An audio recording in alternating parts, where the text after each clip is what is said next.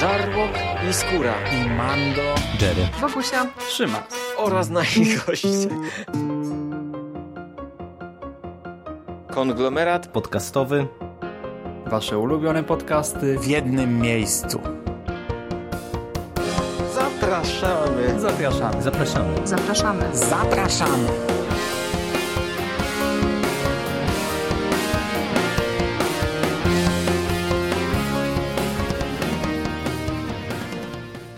Witamy w konglomeracie podcastowym, czyli na platformie, która zbiera wszystkie Wasze ulubione podcasty w jednym miejscu.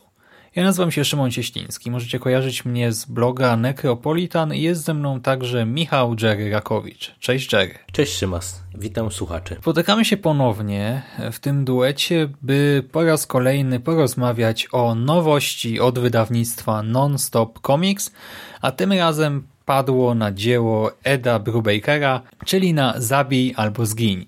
Kill or Be Killed. W oryginale jest to komiks, do którego scenariusz napisał właśnie Ed Brubaker, czyli no, uznany bardzo twórca. Ty ostatnio omawiałeś Gotham Central, nie? To też było z jego scenariuszem? Między innymi, tak. On e, Gotham Central e, pisał z Gregiem Raką początkowo, później już sam Raka, ale no tak, to jest jeden ze współtwórców tej uznanej serii i napisał tam też całkiem pokaźną ilość opowieści. Mm, Brubaker w ogóle jest znany, bo dostał chyba sześć nagród Eisnera, jeżeli się nie mylę. E, nie mam teraz internetu w nowym mieszkaniu, więc nie miałem możliwości jakiegoś większego researchu, ale no, współpracował, jestem pewien, że i z Marvelem, i z DC, i z Vertigo, i z Image, i z Dark Horse, i z Alternative Comics, i pewnie jeszcze z kilkoma innymi wydawnictwami. Masa Eisnerów, masa nominacji, i Batmana pisał, i Daredevila, i to właśnie Gotham Central, i no swoje serie, tak Fatal, Velvet, The Fade Out. E, masa takich znanych rzeczy. I co ważne, przepraszam, wpadnę ci tak w słowo, to w sumie Brubaker jest jednym z tych scenarzystów, który, którzy wydaje mi się są dobrze znani w Polsce właśnie, bo tak jak wspomniałeś, to przecież i, fa, i Fatale i Velvet w Polsce się ukazują. The Fade Out, mhm, Muszka czyli taką bardzo znaną e, jego też serię Mucha zapowiedziała na 2018 rok. E, teraz Nonstop Comics serwuje Zabij albo Zgin i to są tylko te jego autorskie serie, tu już pomijam, wiesz, te mhm. wszystkie e, rzeczy, które on pisze dla Mar Marvela czy dla DC, bo przecież y, to, to też się wydaje i to też można w Polsce spokojnie dostać. Także no, to jest jeden z tych scenarzystów, na którego ilość prac na pewno nie możemy narzekać w naszym pięknym kraju. No i, i mamy się z czego cieszyć. Tak, to prawda. Za rysunki tutaj odpowiada Sean e, Phillips, e, czyli facet, z którym Brubaker współpracował przy Fatal. Phillips jeszcze rysował Marvel Zombies, Hellblazera na pewno, pewnie jakieś inne tytuły, a kolory nałożyła Elizabeth e, Brightweiser. Sean Phillips to jest, e, to jest w ogóle gość, z którym e, Brubaker już e, pisze kolejną serię, bo oni współpracowali w tym duecie przy Fatale, współpracowali przy The Fade Out, przy Criminal. A tam też, no. Teraz przy Zabij albo Zgin, także wiesz, no to już taki robi nam się pomału stały duet, jeżeli chodzi o tych twórców. No panowie się dobrze rozumieją, więc tak, tak. nie dziwię się. I ten album, który trzymam w dłoni teraz, e, Zabij albo Zgiń tom pierwszy, on się wydaje taki cieniutki, malutki, nie? W porównaniu z tym wszystkim, co teraz można dostać, jak, nie wiem, myślę o tych e, Wolverinach chociażby, czy Daredevilach, które przyszły od Egmontu, nie? To to się wydaje takie w ogóle niby nic, zeszycik. To jest 128 stron, kosztuje 40 zł. Wiadomo, w internecie to można wyrwać za 20 kilka złotych, bo te zniżki są bardzo duże. No i teraz, czy warto wydać, nie wiem, te 25-30 zł na taki albumik? No to się zaraz przekonacie. Zacznijmy od wprowadzenia e, w fabułę. Gdy obrócicie sobie ten zeszyt i spojrzycie na tylną okładkę, oprócz dwóch blurbów zobaczycie taki krótki opis. Dylan to zwykły, przeciętny, cierpiący na depresję student. Do chwili, gdy nieudana próba samobójcza zmienia wszystko, a on, wbrew swojej woli, staje się mścicielem – Zabij albo zgiń, nowa przebojowa seria nagradzanych twórców Criminal, Fatal i The Fate Out to pokręcona opowieść o mścicielach rzucająca mroczne światło na otaczający nas, potrzaskany, niesprawiedliwy świat. I teraz wchodząc troszkę bardziej w szczegóły, poznajemy tego naszego Dylana. Na początku widzimy jak bohater wykańcza pięciu mężczyzn. To są tam pierwsze dwie, trzy strony. Twierdzi, że to źli ludzie, i za chwilę wyjaśni nam, dlaczego robi to, co robi i od czego wszystko się zaczęło. Następnie pojawia się ciąg retrospekcji, cofamy się w czasie i obserwujemy, jak bodajże 28-letni, na pewno 20-paroletni bohater próbuje popełnić samobójstwo. Chłopak skacze z dachu, ale szczęśliwym, też nieszczęśliwym trafem przeżywa. Tej samej nocy doświadcza pewnego rodzaju wizji, ma wrażenie, że obcuje z czymś nadprzyrodzonym, e, z istotą, która mówi mu wprost, że aby przeżyć, będzie musiał zabijać jedną osobę miesięcznie, jedną złą osobę miesięcznie. Dylan nie wie do końca, czy to po prostu przewidzenia na skutek stresu i obrażeń doznanych w trakcie tej próby samobójczej, czy może rzeczywiście spotkał się z pewnego rodzaju demonem, ale po miesiącu pewne wydarzenia przekonują go, że jednak powinien dokonać tej zbrodni.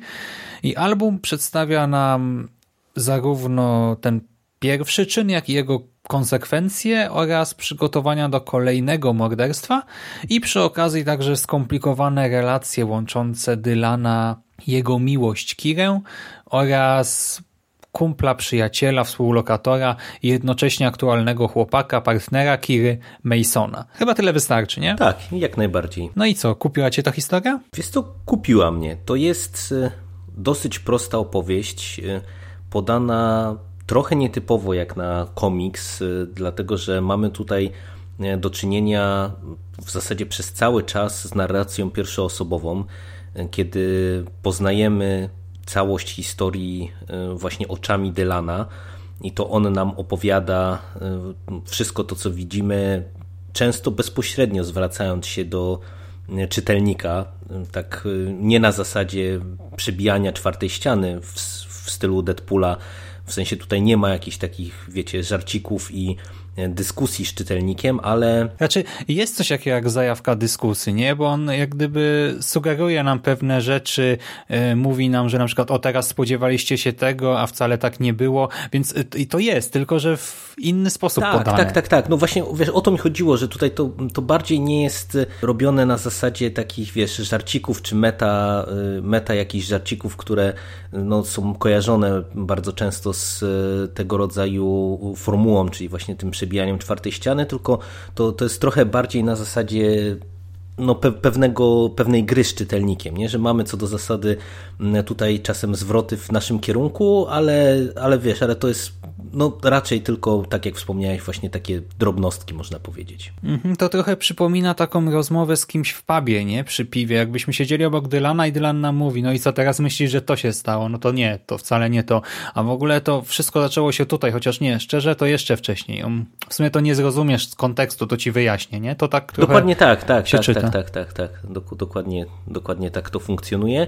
I tak, ogólnie podoba mi się ta historia, podoba mi się przede wszystkim też to, jak ona została rozpisana, bo wydaje mi się, że nieźle to zagrało pod kątem tego, że właśnie od razu z jednej strony jesteśmy wrzuceni w wir akcji, później mamy ten ciąg retrospekcji, można powiedzieć, że w miarę chronologiczny i, i śledzimy te wydarzenia które nas doprowadziły do tego, co widzieliśmy na początku. Właśnie do końca nas nawet nie doprowadziły, bo to cały czas jest retrospekcja w tym tak, pierwszym tak, albumie. Tylko, nie? tylko wiesz, jakby podprowadza nas to po prostu mhm. do, pod, pod to, co widzieliśmy na początku, w tym sensie, co w ogóle doprowadziło, że ta nasza postać robi, wiesz, na tych pierwszych kadrach to, co robi.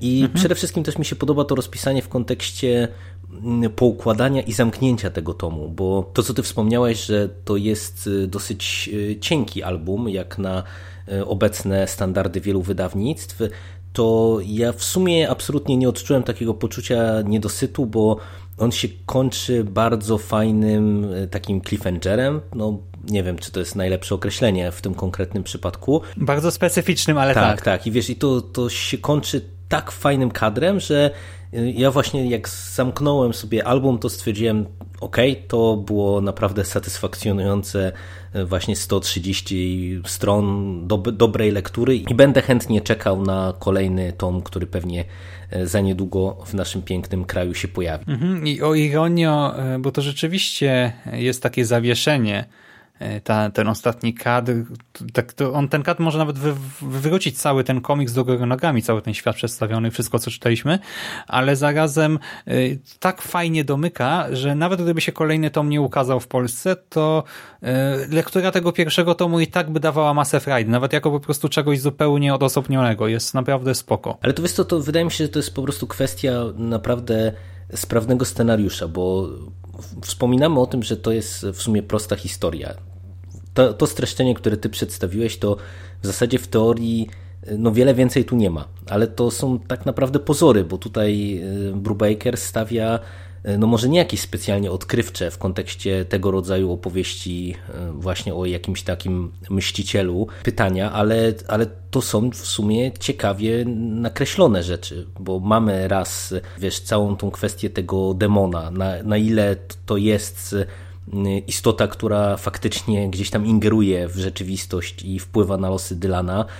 Tym bardziej, że wiesz, ta narracja pierwszoosobowa no, pozwala domniemywać, że tak naprawdę to nie wszystkie te wydarzenia, które śledzimy na kartach komiksu, albo miały miejsce, albo wyglądały tak, jak nam zostały przedstawione, bo to nawet przecież tutaj w paru momentach mamy takie sekwencje, kiedy Dylan sobie coś, nie wiem, przypomina z przeszłości i nagle sobie uświadamia, że w sumie to Y, nie wiem, co, coś, co kiedyś widział inaczej, to teraz nagle w jego głowie wygląda inaczej, nie? Więc to w sumie daje ciekawe pole do popisu w kolejnych y, zeszytach, a z drugiej strony mamy też ten taki wątek kryminalny, który wiesz, w takich, w, takim, w takich dziełach o myślicielach przewija się od zawsze, czyli na ile to jest moralne albo niemoralne, jeżeli bierze się sprawy we własne ręce i faktycznie, nie wiem, dokonuje się mordów na złych ludziach, no nie bójmy się użyć tego słowa.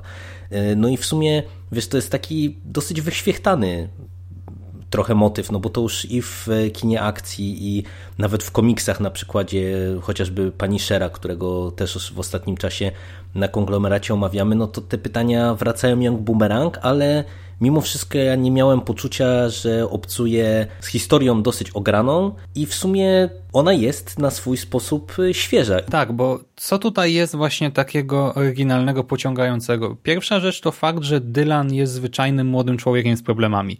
Z problemami rodzinnymi, miłosnymi, zawodowymi, różnej natury i jesteśmy w stanie zrozumieć jego sytuację. Istnieje też spore prawdopodobieństwo, że doświadczenie doświadczymy, doświadczamy, czy też doświadczyliśmy podobnych niepowodzeń. Tak bardzo łatwo jest się z tym bohaterem identyfikować i to nie jest jakiś, nie wiem, super glina, e, czy człowiek rządny zemsty e, za coś tam, tylko no właśnie, nie wiemy do końca, jak to jest z motywacją tego bohatera, bo cała ta kwestia nadprzyrodzonego stoi pod znakiem zapytania. Teoretycznie w pewnym momencie sytuacja troszkę się klaruje, interpretacja X narzuca nam się, ale ostatni kadr znowu budzi ogromne wątpliwości i tak naprawdę w kolejnych tomach może się okazać wszystko. Może się okazać, że czytamy o losach człowieka umęczonego przez demona, albo o losach e, zwykłego szaleńca, albo jeszcze innej postaci. Mhm. Mam tutaj sporo możliwości teraz rozwoju dla tej historii i do tego, tak jak wspomniałeś, ten komiks jest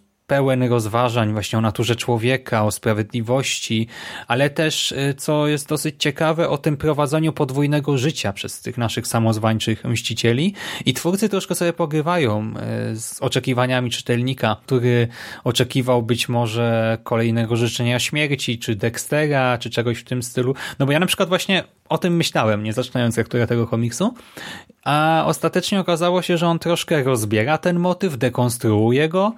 To też właśnie studium psychiki tego początkującego, młodego też całkiem mordercy, szczegółowa prezentacja różnych zachowań, tych przygotowań do zbrodni, wyboru ofiary, pozyskania broni, wreszcie dokonania morderstwa, ale z punktu widzenia cały czas tego młodego, takiego przeciętnego człowieka i to w sumie jest ciekawe zwyczajnie. No. Tak, ja się w pełni, w pełni się zgadzam i e, w sumie fajnie, że poruszyłeś właśnie ten motyw tego, tego podwójnego życia, które tutaj Dylan prowadzi, bo to jest też y, jeden z tych wątków, które tutaj bardzo dobrze wypadają. Bo to, to mhm. raz te przygotowania, to samo podwójne życie, ale później na przykład reperkusje tych jego czynów, albo to, jak on podchodzi właśnie do tego, co zrobił i tak dalej, i tak dalej, no to, to jest wszystko bardzo fajnie nakreślone i tworzy nam się w ten sposób bardzo wiarygodną postać. Mhm, czy nawet sam fakt, że nie wiem, bohater dostaje w pewnym momencie w twarz, jest okaleczony, nie?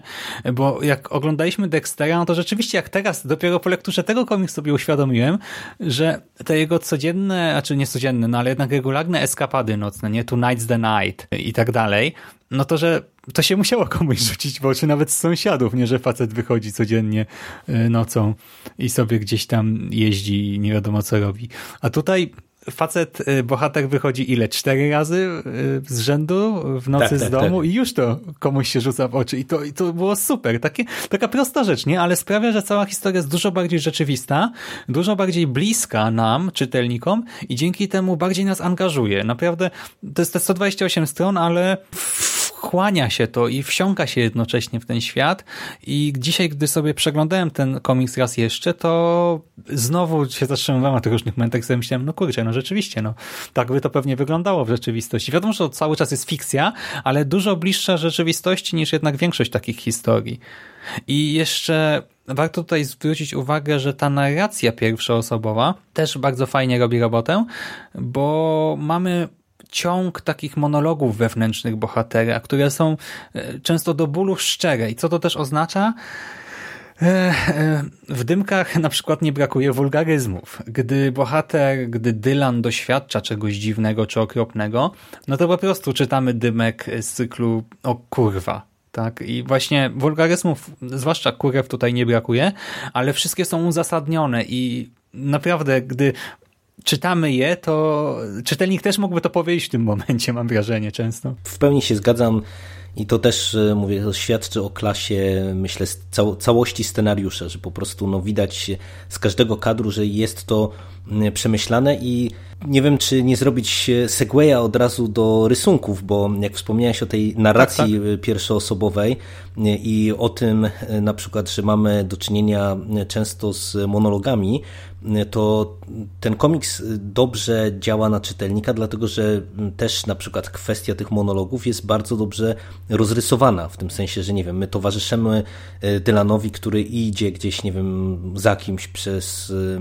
nie wiem, ulicę, jedną, drugą i sobie nad pewnymi rzeczami myśli na, na przykład, e, a z drugiej strony, wiesz, e, śledzimy kadry, które teoretycznie są skupione na tej postaci, ale one też e, są jakoś takie wciągające, że my cały czas widzimy to żyjące miasto w tle, że się tak wyrażę i to, to by było trochę za dużo powiedziane, że miasto i to otoczenie jest jednym z głównych bohaterów, ale przez to, jak te rysunki są prowadzone i jak ta narracja od strony wizualnej też jest prowadzona, no to ja miałem poczucie, że to też zwiększa wiesz, imersję, że mamy do czynienia z takim prawdziwym światem, a nie, że mamy do czynienia trochę z takim mm, nie wiem, pustym miastem, jak, jak ja to czasami mówię, że wiesz, że mamy tego naszego mściciela i nie tylko właśnie to, co wspomnieliśmy, że fabularnie na przykład różne rzeczy mu tu nie do końca idą mu łatwo i, i no, są to takie elementy, które go trochę wybijają i potęgują tę wiarygodność całej historii, ale właśnie też ta warstwa wizualna, to jak są przedstawione tła, to, to jak jest przedstawione całe miasto, poszczególne te e, sceny, czy te miejsca zbrodni i tak dalej, i tak dalej, to, to wydaje mi się, że to też pod tym kątem się bardzo dobrze sprawdza, a przynajmniej tak mi się wydaje. Nie wiem, czy też miałeś takie mhm. poczucie w trakcie trakcie lektury. Mm, tak, tak, tak. Rzeczywiście, chociaż czasami fabularnie się tutaj nic nie dzieje, to e, ta narracja jest po prostu na tyle ciekawa, że i tak śledzimy te kadry takie trochę bardziej spokojne z uwagą i warto zaznaczyć, że w ogóle rysunki tutaj są bardzo ładne. I ja często narzekam na przykład na kiepskie tła, tak tutaj tła są niesamowite, nawet jeżeli to są takie e, nie wiem, dwukolorowe tła, gdzie po prostu coś tam jest wydrapane, czy nie wiem, mamy ścianę, która jest tam, nie wiem, właśnie składa się z dwóch kolorów i jakichś tam czarnych kreseczek, to to i tak wygląda na kawał pracy włożonych w takie nawet z pozoru proste tło.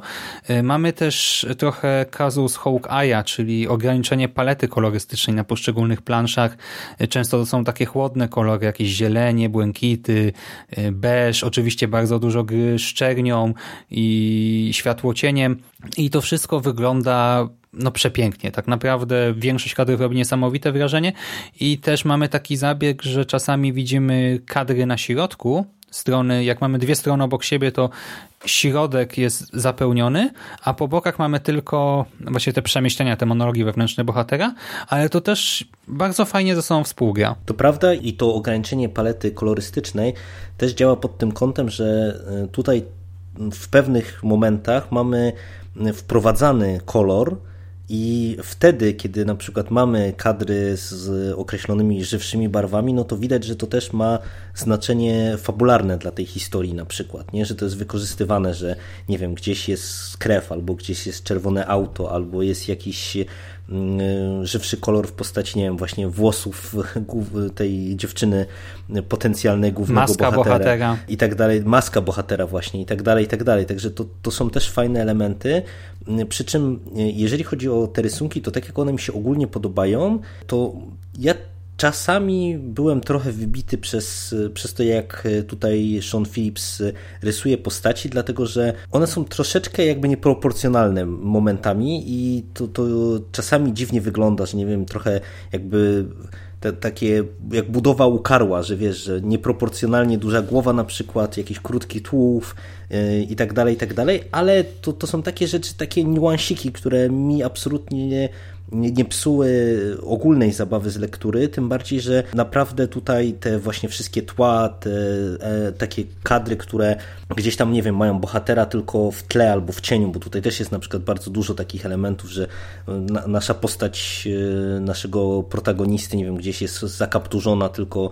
e, uchwycona w tle, albo są jakieś sceny, nie wiem, w śniegu, czy, czy w deszczu i tak dalej, no to, to wszystko jest na tyle fajnie narysowane, że tutaj mówię, te takie drobne jakieś minusiki, które czasami widziałem, to mi zupełnie to nie przeszkadzało. Mhm. Znaczy ja ci powiem, że miałem może ze dwa kadry, gdy też tak o tym pomyślałem, ale to też rzeczywiście głowy są może minimalnie większe niż przy takich bardziej realistycznych rysunkach, ale ja się do tego szybko przyzwyczaiłem. Chociaż nie wiem, jak teraz kartkuję cały czas ten komiks, to nawet ten jeden kat, który mi się nie podobał y, z Kirą wstającą z łóżka, to teraz widzę, że ona po prostu się tak wykrzywia, w sensie to jest naturalnie, dobrze narysowane, tylko ona taką pozę przyjęła specjalnie, bo spodnie wkłada i serio, jakoś mi to nie przeszkadza. I jeszcze dobrze, że wspomnieć o tym śniegu, bo o tym zapomniałem. To też robi niesamowity klimat, że jeszcze cały ten komiks rozgrywa się w scenerii zimowej i śnieg jest rysowany przepięknie całe to miasto zaśnieżone.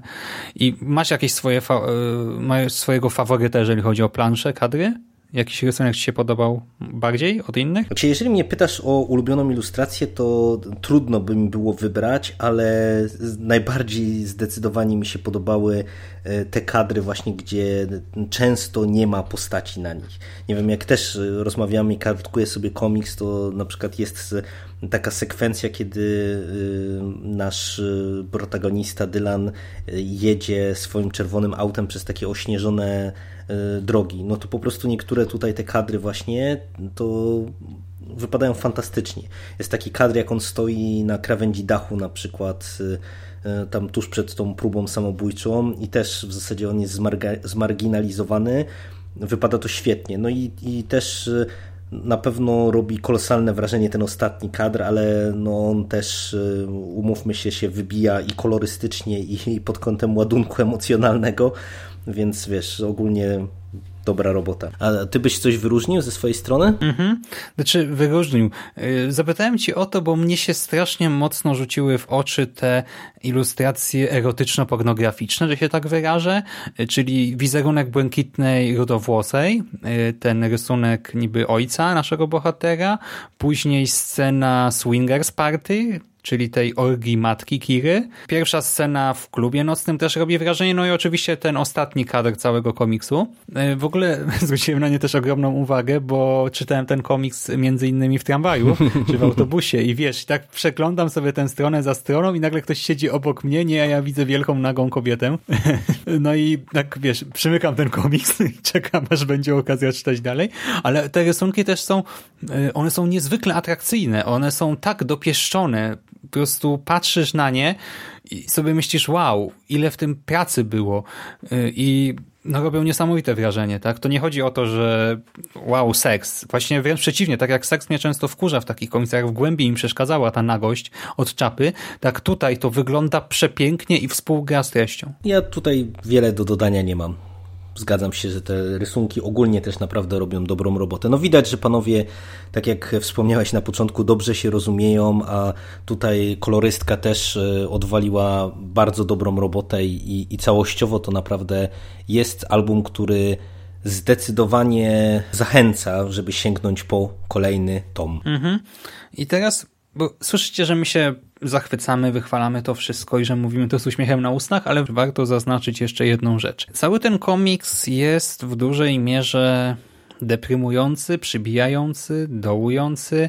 Jest dość brudny, smutny, ponury i też do pewnego stopnia ciężki w tej swojej treści, przy czym to wszystko nie w taki sposób, że macie ochotę, nie wiem, wziąć prysznic w czasie lektury, czy strzelić sobie w głowę po lekturze, ale hmm, tak jakby, nie wiem, zgasić światło i spojrzeć w okno gdzieś późnym wieczorem i udawać, że patrzycie w dal, a tak naprawdę patrzycie we własne odbicie w tym oknie nie wiem, czy ta metafora jest teraz jasna, ale wiesz o co mi tak, chodzi, tak, Jerry? Tak, wiem, no, on nie jest, nie jest lekki w odbiorze, w tym, czy, czy źle powiedziane, no, on, on potrafi oddziaływać na emocje, wyciągając po prostu e, na wiesz, takie emocje, które często nam towarzyszą, nie wiem, wystarczy, że włączymy telewizor i zaczynamy się wkurzać na nie wiem, kolejną jakąś tam grupę przestępczą rozbitą albo jakieś, wiesz, sąsiada, który się okazuje, że... No w ogóle przez, ciąg negatywnych tak, newsów, przez, nie? przez lata gwałcił swoją żonę i tak dalej, i tak dalej, no tylko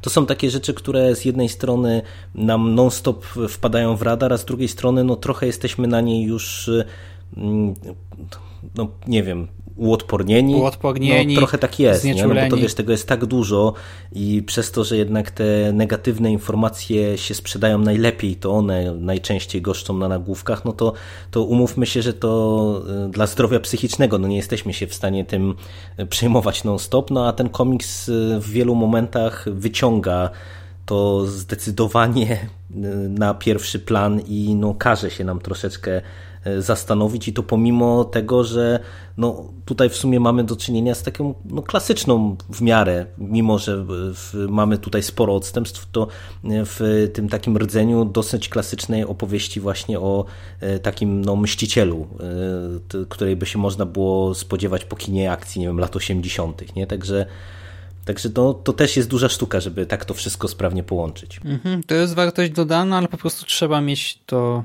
w pamięci, że to nie jest taka luźna opowiastka, także to nie jest superhero z antybohaterem, który nie ma supermocy, tylko jednak e, no, taka opowieść też obyczajowa mocno i to ponura obyczajowa. Hmm. To co, Jerry, zgodnie polecamy, tak, nie? polecamy. Tutaj bez, bez już zastrzeżeń, tak jak e, co do głębi powiedzieliśmy, że na pewno sięgniemy po kolejny tom, ale jeszcze nie wiemy w jakim kierunku to wszystko pójdzie, tak e, ten komiks możemy w 100% polecić. Mhm. I myślę, że tym zdaniem zakończymy. Dzięki Ci serdeczne za rozmowę. Dzięki. A Wam, kochani, miłego dnia czy wieczoru i do usłyszenia następnym razem. Cześć. Cześć.